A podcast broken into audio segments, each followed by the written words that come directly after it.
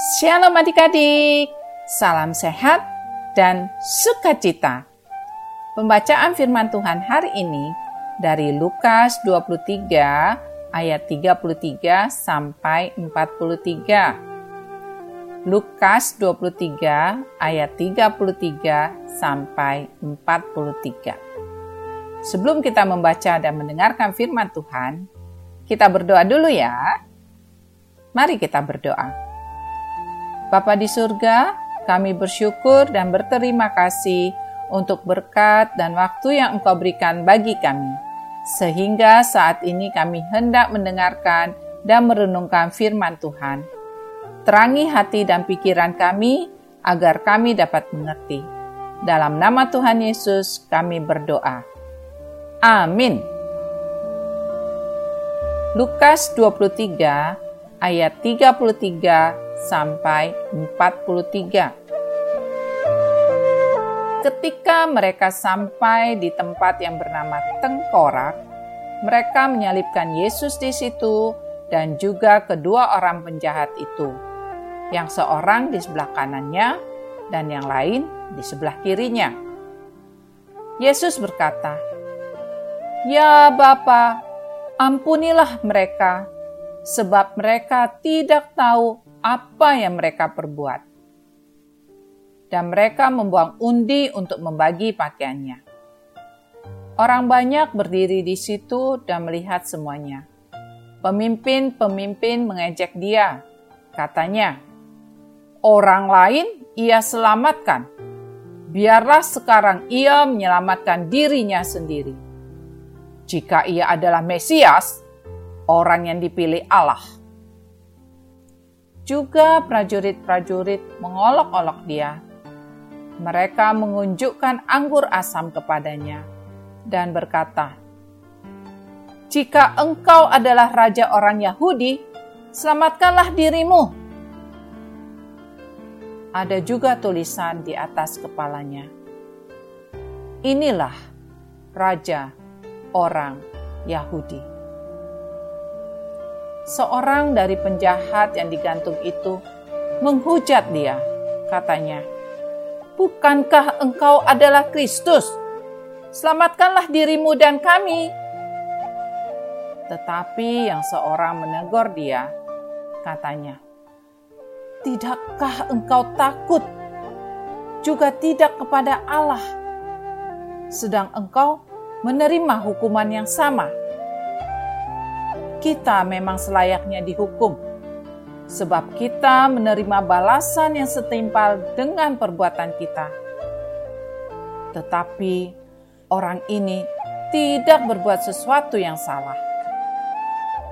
Lalu ia berkata, "Yesus, ingatlah akan aku apabila engkau datang sebagai raja." Kata Yesus kepadanya, Aku berkata kepadamu, sesungguhnya hari ini juga engkau akan ada bersama-sama dengan aku di dalam Firdaus. Demikianlah firman Tuhan. Adik-adik, karena kasih Yesus pada dunia dan manusia yang tidak mampu melepaskan sendiri dirinya dari dosa, maka Yesus berkenan meninggalkan tahtanya yang mulia di surga sana untuk turun ke dalam dunia, menawarkan penebusan yang membawa keselamatan. Segala hal yang bisa membawa manusia datang kepada pertobatan dilakukannya dengan penuh kasih, agar manusia melihat kehadiran karunia, kesempatan, dan pengampunan yang diberikan Allah. Semua dilakukannya agar manusia bebas dari dosanya, serta beroleh pengampunan yang memberikan kehidupan abadi.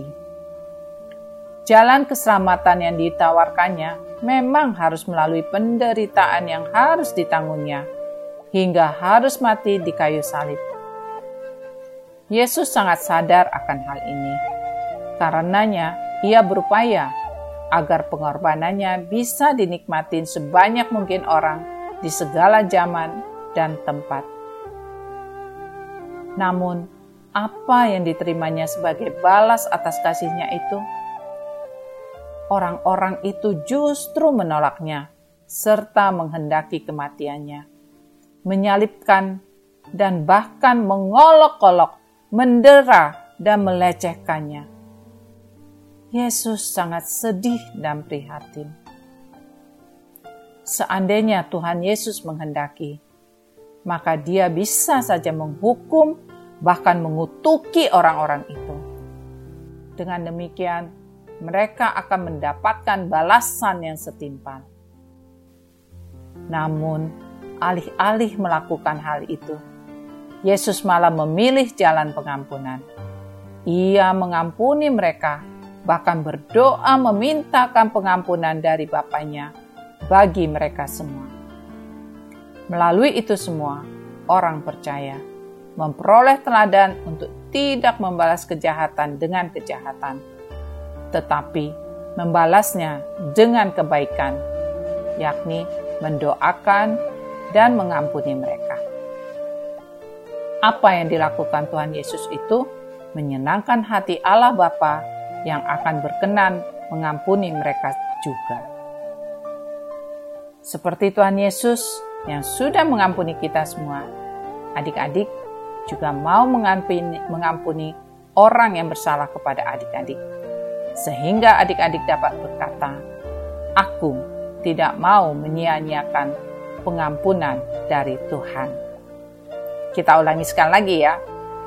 Aku tidak mau menyia-nyiakan pengampunan dari Tuhan. Amin. Mari adik-adik kita berdoa. Bapa di surga, terima kasih telah mengaruniakan pengampunan yang begitu agung, sehingga kami bebas dari dosa dan beroleh kehidupan bersama Tuhan. Kami juga belajar untuk mengampuni orang yang bersalah kepada kami. Dalam nama Tuhan Yesus kami berdoa. Amin. Demikianlah renungan firman Tuhan hari ini. Sampai jumpa lagi adik-adik. Tuhan Yesus memberkati.